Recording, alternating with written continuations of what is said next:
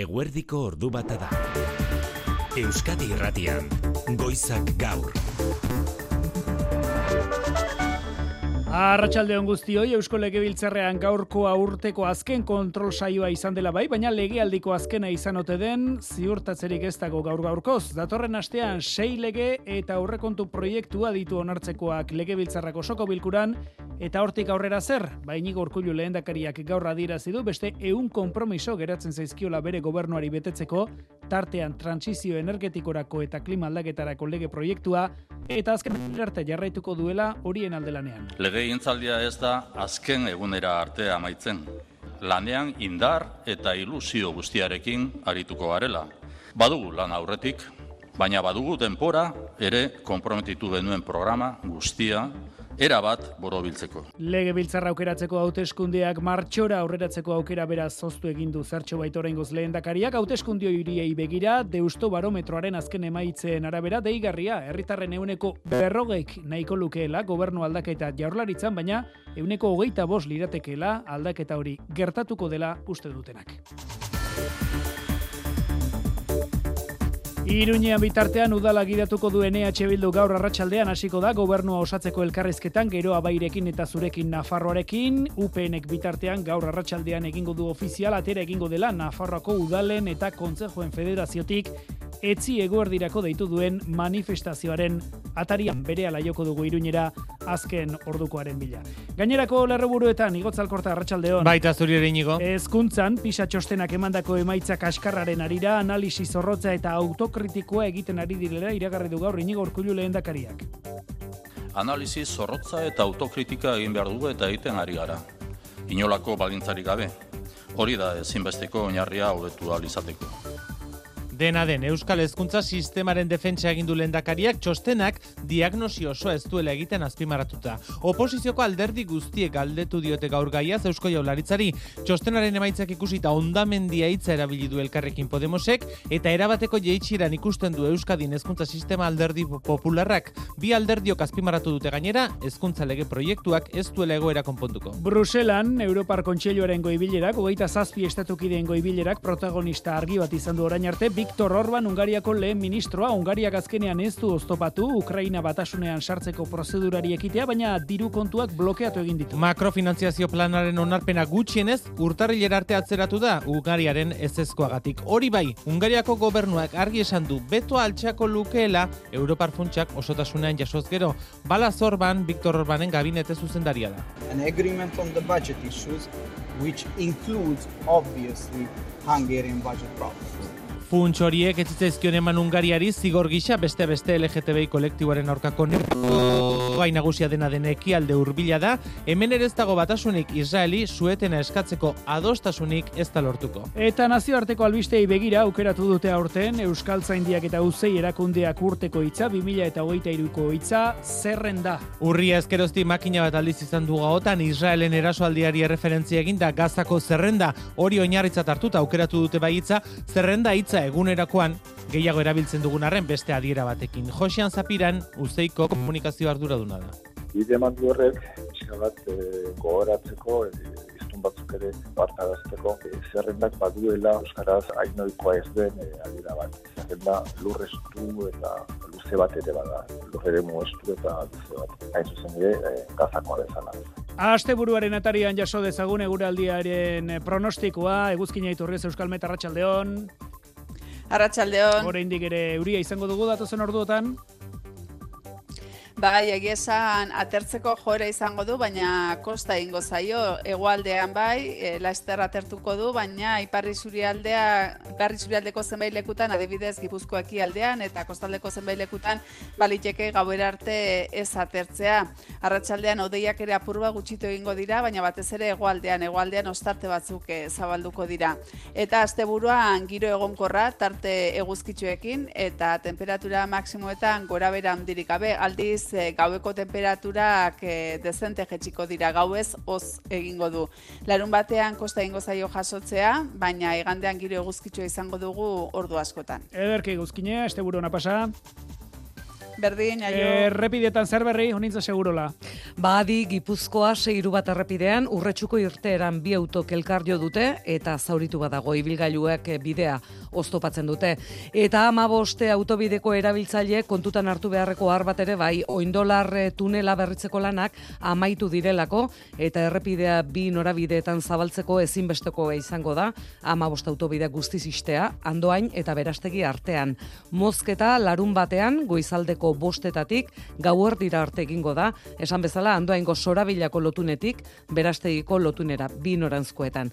Itxierak irauten duen bitartean bakotxentzako ordezko bidea tolosatik barrena izango da eta ibilgailu astunek nazional bata erabili beharko dute. Oar, garrantzitsua beraz, ama bosta erabili behar duzuen ontzat asteburu honetan. Kiroletan, Jose Maria Paula Zarratxaldeon. Arratsaldeon, Iñigo. Osasuna gaur ligako partida. Bai, eta aukere egokia behingoz garaipena lortu eta ur behareagoetan sartzeko jardunaldia gaurera doaz, eta osasunak ez du oraindik motorra martxan jarri. Gaur du aukera bederatzietan sadarren Raio Vallecanoren kontra. Eta Europako kiro lehiaketetan hainbat Euskal Herriko talde, Bart Baskonia galdu egindu etxean Virtusen aurka, eta Gernikak ere bai Flandrian bost puntuko atzerapen jan beharko du aste bete barru bere kiroldegian. Gaur Jan Doger zelaian bederatzietatik aurrera Europako errukbikopa Bayona Glasgowren aurka. Eta pilotan gauza ugari Nagusiki, eskuz binakako hau jartzunen dugula, laugarren jardunaldian, altuna bueltatzera doa, eta Bilbon seiterdietan palako finala, gaubeka eta Ibai Perez Maldonado eta Urrutiaren kontra. Kirol albiste guzti guztiak ordu bat terdietatik aurrera, Euskadi irratian eta ordubi terdietan kulturleioa zabaltzen dugunean, Manu Etxe sartu arratsaldeon. Kaixo inigo. Bilboko Arte Ederren Museoak Nikolas de Lekuonaren artelanak jaso ditu duaintzan, artistaren sendiak emanak. Nikolas de Lekuona, hogei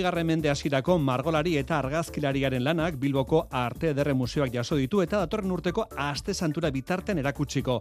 Argazkiak, margoak eta Nikolas de Lekuonak idatzitako gutunak jarri dituzte.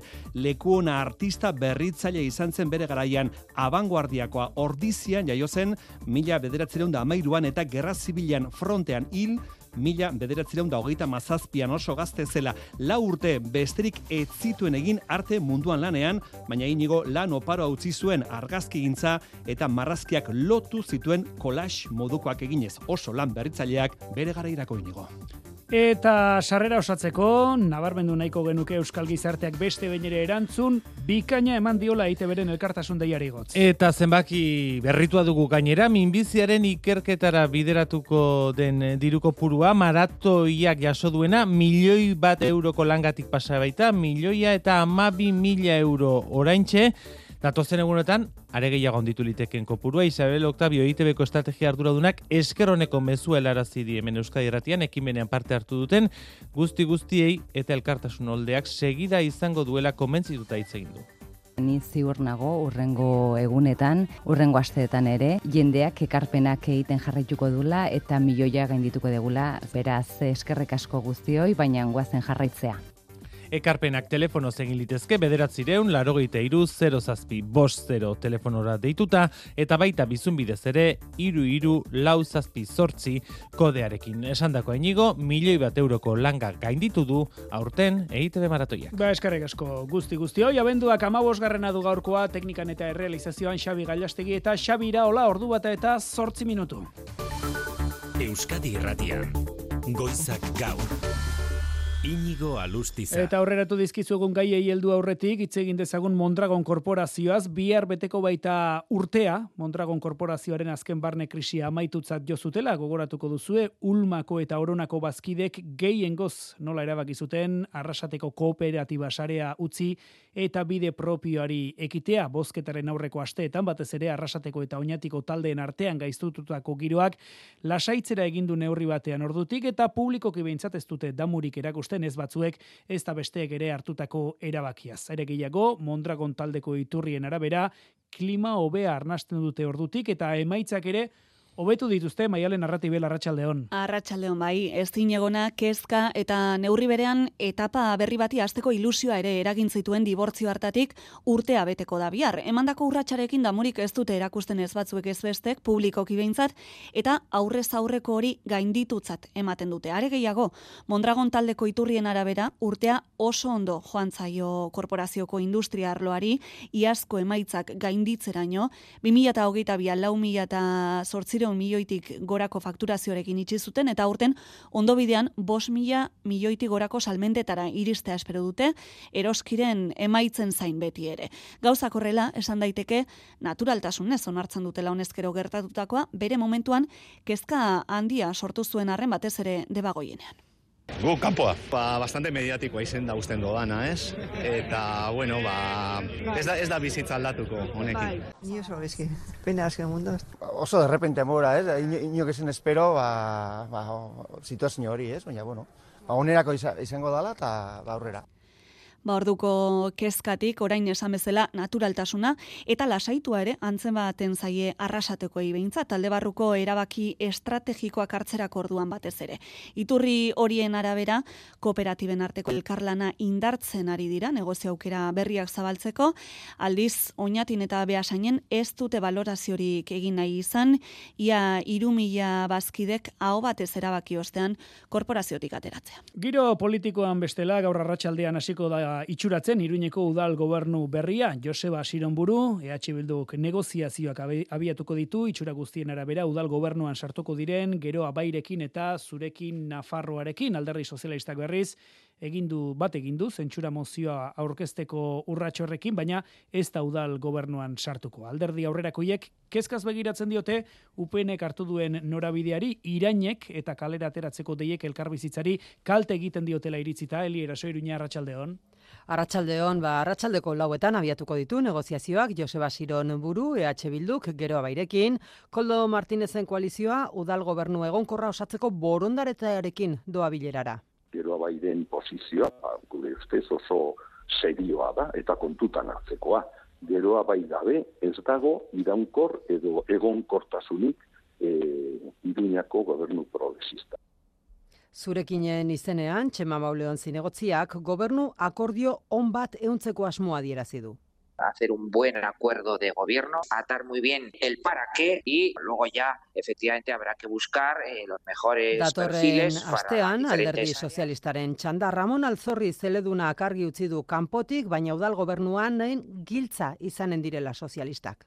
Somos la llave, somos los que vamos a tomar las decisiones de hacia qué directrices y hacia qué proyectos prioritarios. Ilusio zekinen eh, diete negoziazioei, baina kezkatuta ere bai, upeneren irainek eta kalerako deiek elkar bizitza mikaztuko dutenaren beldur baitira. Es peligroso soliviantar a la población, además con mentiras y con manipulaciones, porque luego nunca se sabe lo que puede pasar. Ulertzen dut, ba, aserre egotea. Baina, era, demokratiko batez onartu egin behar duzu egoera berri hori, baina UPNek egin duena penagarria da, beldurgarria da ere.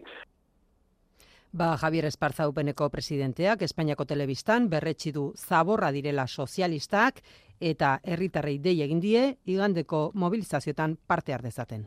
Baliteke, iruñeko zentsura mozioa ez izatea, epe laburrean Euskal Herrian ikusiko dugun bakarra, Gernika Lumon ere aukera hori bai baitago mai gainean itxaso atutxa, bizkai buru batzarrako presidenteak, Bart Radio Euskadin atea zabaldu dio zentsura mozioari. Jose Mari Gorroñoren eskutik, Gernika paralisi egoeran dagoela azpimarratu, zauteskundetan irabazle izan zen EH Bildutik ordea, oztu egin dute hauzia, ekainean Eusko Alderri Jeltzaleak sartu zuela hanka, uste dute, eta Euskadi Irratiari esan diotenez, kontua ez da gorroño kentzea, egitasmo partekatu adostea baizik, janire gerena barrena, Bilbo Arratxaldeon.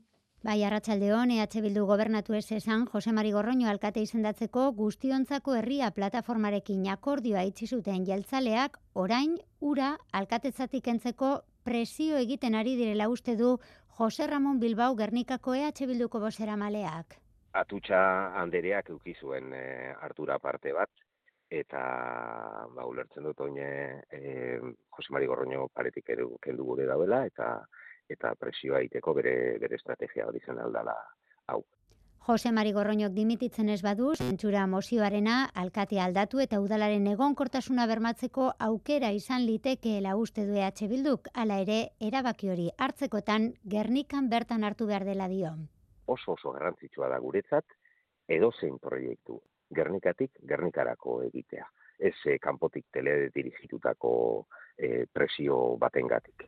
Gobernua nork gidatzen duen baino garrantzitsuagoa da EH Bildurentzat gobernua zertarako dena dostean. Eusko Legebiltzarrean bestela sarreran esan dizuegu aurtengo azken kontrol saioa egiten ari direla gaur, baina ezin dugula ziurtatu legealdiko azkena izango ote den. Datorren ostegunean sei lege onartuko ditu Legebiltzarrako soko bilkuran, aurrekontu proiektu ere bai gaur sortzi, baina inigo urkullu lehendakariak aurreratu du beste egun konpromiso geratzen zaizkiola bere gobernuari betetzeko eta azken urunen arte jarraitu nahi duela horien alde lanean Ainara Rubio Gasteiz Arratsaldeon. Arratsaldeon zalantzak bere horretan jarraitzen du kontrol saioan aipamen ugari egin badira ere inigo urkullu lehendakariak ez du hauteskunde dataz ezer esan ez dela balantzearen unea oraindik dio eta legealdiak hilabeteak dituela aurretik. Badugu lan aurretik, baina badugu denpora ere konprometitu denuen programa guztia erabat borobiltzeko. Beraz, datozen hilabeteetan zer? Zailburuek ia eun ekimen garatuko dituzte datozen hilabete hauetan guztietan. EH Bilduk ordea uste du arazo estrukturalak pilatzen ari zaizkiola jaurlaritzari eta aldaketaren unea dela nerea kortajarena.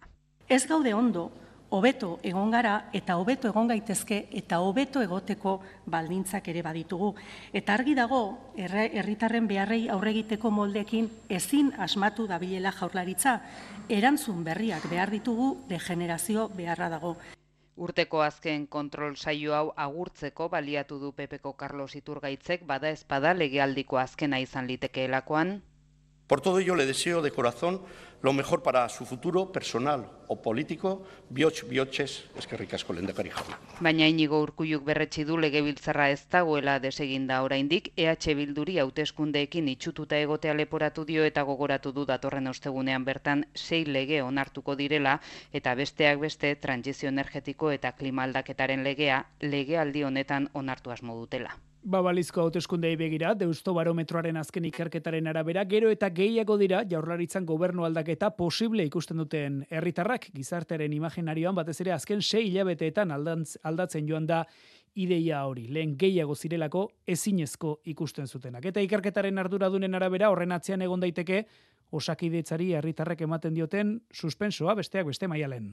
Bai, herritarren ia herriak nahiko luke gobernu aldaketa bat eusko jaurlaritzan urrengo hauteskundei begira eta orain arte hori ezinezko ikusten zutenak gutxiago dira. Klima politikoa bera aldatu delako neurri batean entzun iratxaristegi ikertzeietako bat. Jende asko dago baita ere, ba, indizio edo ez dagoela ziur zer gertatuko ote dan, baina bai ikusten dutela ba, e, beste aukera edo beste posibilitate barri batzuk, ugal koalizioen artean, edo beste egiteko era bat, ez da? Eta orain arte ugal jendea ez zegoen hain ziur, ez horrelako ugal posibilitaterik edo aukerarik ikusten, herritarren gehiengoak erdiak baino gehiago ikuste dute EAJ dela kudatzaierik onena alderdi serioena eta arduratsuena ere bai baina gizartearen erenak uste du EH bildu dela sentikorrena herritarren arazoekiko. Ba e, ari horretatik tiraka esango dugu gehien gehienek babesten dituztela azken hilabeteotan gogortu diren langileen protestak eta mobilizazioak batez ere osasun arlokoak eta hezkuntzakoak eta suspensoa ematen diote osasun arretari hori da gizartaren itziz jaurlaritza okerren kudeatzen ari dena etxe bizitza politikekin batera.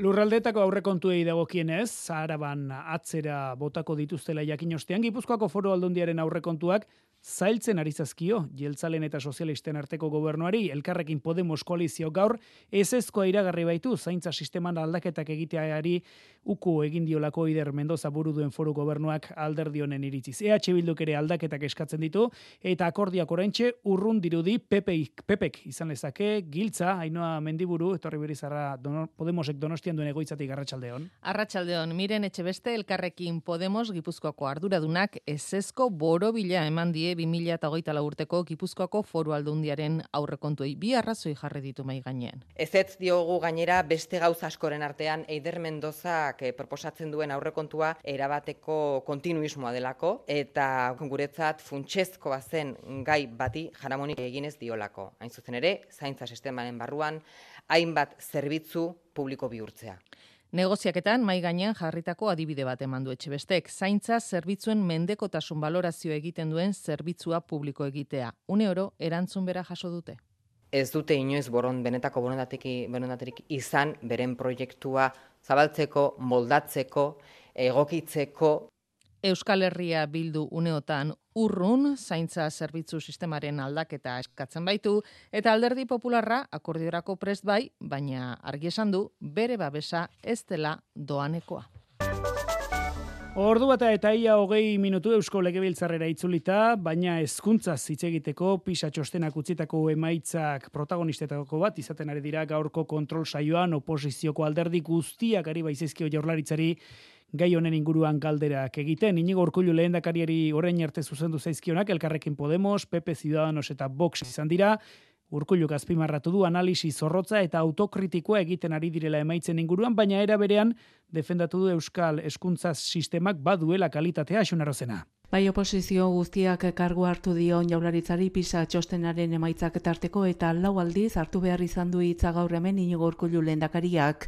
Aitortu du jaularitzari dela emaitzen azterketa zorrotza eta autokritikoa egiten, hobetu behar dena hobetzeko esan du, baina ez duela pisa txostenak diagnostiko osoa egiten eta Euskadiko hezkuntza sistemak ez duela ondoa jo, inigo urkullu. Erantzun guztietan autokritika egin ez hasiko naiz. Pisa txostenak aztertzen dituen hiru adierazle zehatzen emaitzak hobetu behar ditugu. Dena den, ez gure eskuntza sistemak ez du lurraio. Kezkatuta agertu baitiran gaurko kontrol saioan oposizioko alderdi politikoak ondorio uka ezinak argi daudela salatu du miren gorrotxategi elkarrekin Podemos iuren bozera maileak. Ikasleen eskola errendimenduaren beherakada hitz egin du eta beherakada horretan desoreka dagoela eta ezintzaio bere esanetan hori soilik pandemiari eragotzi. Pandemiak emaitza txarretan eragina izan du, baina hau atzeagotik dator.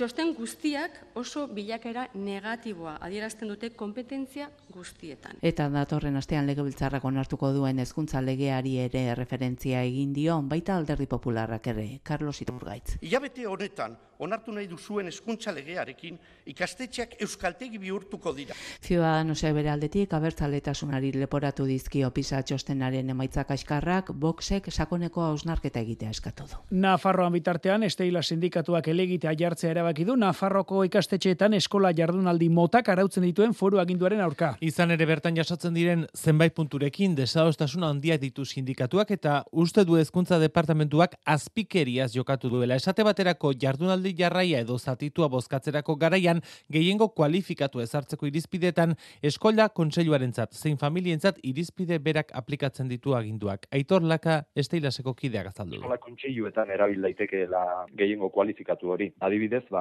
euneko berrita marra, zerronda guztiarena, gero familietan ere berdina aplikatzen du. Gehiengo kualifikatu hori e, eskatzea uste dugu legetik ateratzen den e, zerbait dela. Esan behar da ere, ordena jarri duten ez lehenengo familiak, eta gero eskola kontseilua, eskola kontseiluari bere e, erabakitzeko eskumena ebazten ari zaiola.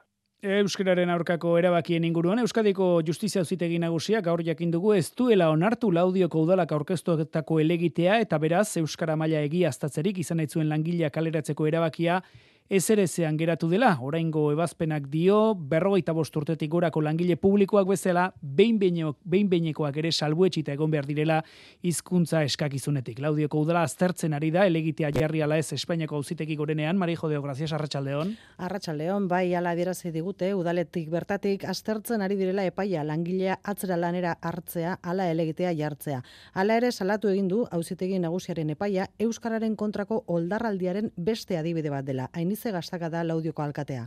Laudioko udal gobernu taldekidok, sententzia hau Euskara eta hizkuntza eskubiden aurkako oldarraldiaren testu inguruan kokatzen dugu. Hauzitegi gorenak ez dio gazteizko administrazioarekeko hauzi prozesuak bere egunean adierazi zuen bezala Euskara dela ikasteko munduko bosgarren hizkuntza zailena. Baina bere egiten ditu hasierako beste argudioetako bi. Bat, behinbeinekotasun kontratua ez zela egoki egin, luzatu egin zelako ordezkapenetik arago, eta bi lanean hasi eta sei urtera lanpostuaren eskakizunak aldatu zituela udalak, psikologo postua adikzio tekniko izatera igaroz, eta gainera hirugarren hizkuntza eskakizuna esleitu zitzaiola. Horregatik dio, hauzitegi gorenak hizkuntza eskakizunaren kasuan berrogeita bosturtetik gorako funtzionariek bezalaxe, behin-behinekoek ere ez dutela hizkuntza maila egiaztatzeko derrigortasuna. Hori kontuan izan da, atzera botatu laudioko udalak aurkeztu zuen apelazio errekurtsoa. Hogeita marreguneko epea dago kasazio errekurtsoa aurkezteko auzetegi gorenean.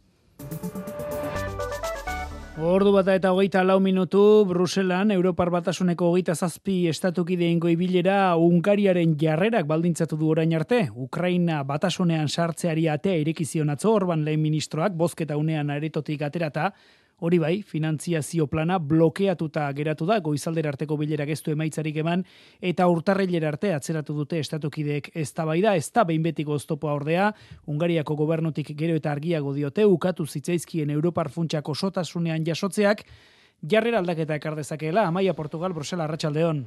Arratsaldean bai goizeko ordubiak aldera arte aritu dira estatukideak Europar Batasuneko aurrekontuen berrikuspena negoziatzen hor sartu nahi dute datozen la urtetan Ukraina berrera ikitzeko berrogeita mar mila milioi euroko finantziazioa. Eta ondorioa esperotakoa izan da. Sans Michel Kontseiluaren presidenteak oharra argitaratu du goizaldean, hogeita sei estatukide datozela bat Jakina, Ungaria falta da, atzo ere esan zuen Viktor Orbanek, ez du Ukrainarako diru hori Europar Batasuneko aurrekontuetatik ateratzerik nahi. Ez du uste aurrekontuek berrikuspenik behar dutenik, baina berrikuspen hori onartzeko utzi du zirrikitu bat, Bruselak askatzea Ungariari zuzenbide estatua ez betetzeagatik izoztu zizkion funtsak. Bala sorban, lehen ministroaren kabinete burua jaitsi da propio hori esatera goibileran, kazetariak dauden aretora entzun. An agreement on the budget issues which includes obviously Hungarian budget problems. Ukrainaren negoziazioekin bezala makrofinantziazioarekin Ungariaren betoari izkin egin nahi badio kontseiluak hori du modua, baina bada beste irten bide bat. Ukrainarentzat makrofinantziazio plana hogeita zazpiek bat adostu beharrean, Kiebekin buruz buruko akordioak istea banan-banan estatukideek. Kaia Kalas Estoniako lehen ministroak esan du, nola edo ala egingo dutela urtarrilean bada ere. We will reach an agreement on the financial aid. There was a clear political will. It was just 3 o'clock uh, Gaza dute izpide orduotan goibileran, baina sueten humanitariorako deia adosteko Ungaria ez da inolaz ere oztopo bakarra kasu honetan. Nazio batuen azken bozketan agerikoa izan zen hori, hogeita zazpi estatukidetatik, amazazpik egin zuten bat deiarekin. Bagaza nahi zuzen borroka bortitzak izaten ari dira hegoaldean, Israelgo indarren eta jamasen artean, Israelen aire erasoek, Rafa ingurua jo dute azken orduotan, zibilek babes hartutako gunetan dozenaka hildako eraginez. Zain justu, zibilen kalteak gutxitzeko bidean emaitzak ikusi nahi dituztela, esan du gaur Tel estatu batuetako segurtasun aholkulariak Jake Sullivanek eta gerraren bilakaerari dagokionez, helburu zehatzagoak izango dituen fase berria iragarri du martxetxe berria. Bai Israelen gazako erasoaldia hilabeteetan luzatuko da, ondori hori atera du Jake Sullivanek Israelgo gobernu eta armada buruekin bi egunez bilerak izan ondoren, baina intentsitate haundiko lurreko operazio batetik bestelako molde batera pasako dela aurre ikusi du.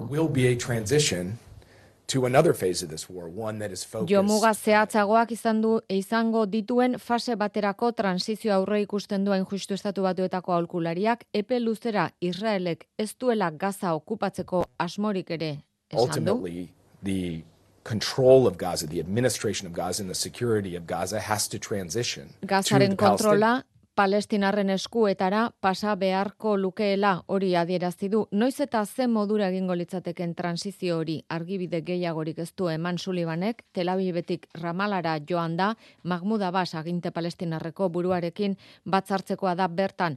Eta gazan bien bitartean ba egoera humanitarioa sinisteak lanak dituen arren are gehiagoari da okertzen, Rafako mugatik gertu jasan dituzte gaur Israelen erasoak, armadaren esanetan laguntza humanitarioa jamasen eskuetara iritsi ez dadin, laguntzarik sartu bentsat ez da sartzen ari gazan, nazio batuen erakundeak salatu du. Gozete kasu larriak ari direla gertatzen badirela herritarrak hiru egun baino gehiago egin dituztenak.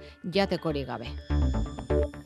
Toki antokiko informazioari dagokionez, Bilboko udalak agintaldi berrirako plana aurkeztu berri du, helburuen artean hiri koesionatuagoa lortzea eta jarduera ekonomikoa sustatzea aipatu ditu Juan Maria Burtu Alkateak eta bide horretan besteak beste esan du, zorroz aurrek duen garrantziaren erakusle bertan teknologia parkea garatzeko legealdia izango dela honakoa janire. Bai, eraldaketa betean dagoen Bilbo iria hobetzen jarraitzea du helburu Juan Maria Burto alkateak bere hirugarren agintaldirako aurkeztutako planak, pertsonak, auzoak eta garapen ekonomikoa ardatzartuta iria gaztetu eta talentua erakartzea izango da erronka nagusienetakoa. Esango dugu jarraitzen dugula gure hiriaren eraldaketagaz, horresegatik agertzen dira hor hartzandaren plan berria edo abandoren plan berria, itxasadarraren eh, plan berria, peñaskalen plan berria. Garapen ekonomikoa lortzeko baita ere, zorrozaurreko parke teknologikoa eukiko duela izugarrizko garrantzia. Hiri eredu irisgarri eta jasangarria bultzatzeko egitasmoak ere jasotzen ditu agintaldi plana, urte urte egitasmo horien betetze maila astertzeko konpromisoa ere erakutsi du alkateak horretarako txostenak eta herritarrekin topaketa kantolatuz. Ordu eta terdia jotzear. Euskadi Irratian, eguraldia eta trafikoa.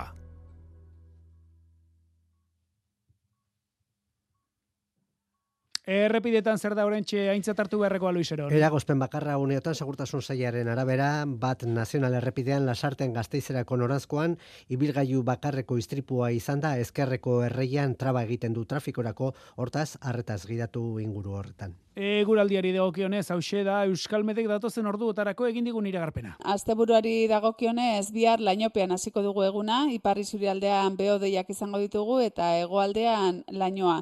Gainera ez da baztertzen eurizpi batzuk egitea. Eguerdi partean ordea jaso egingo du eta arratsaldean eguzki ikusteko moduan izango gara, ez eta pixka bat kostako zaion. Temperatura maksimoetan ez da aldaketa handirik izango. Eta larun batetik iganderako gaua hotza izango da oso. Barrenaldeko leku batzuetan izotza egingo du, batez ere Araban eta Nafarroan. Eta igandean larun batean baino lehenago jasoko du, garbiago egongo da zerua eta temperatura ere apur bat igoko da Ebro Ibarrean izan ezik.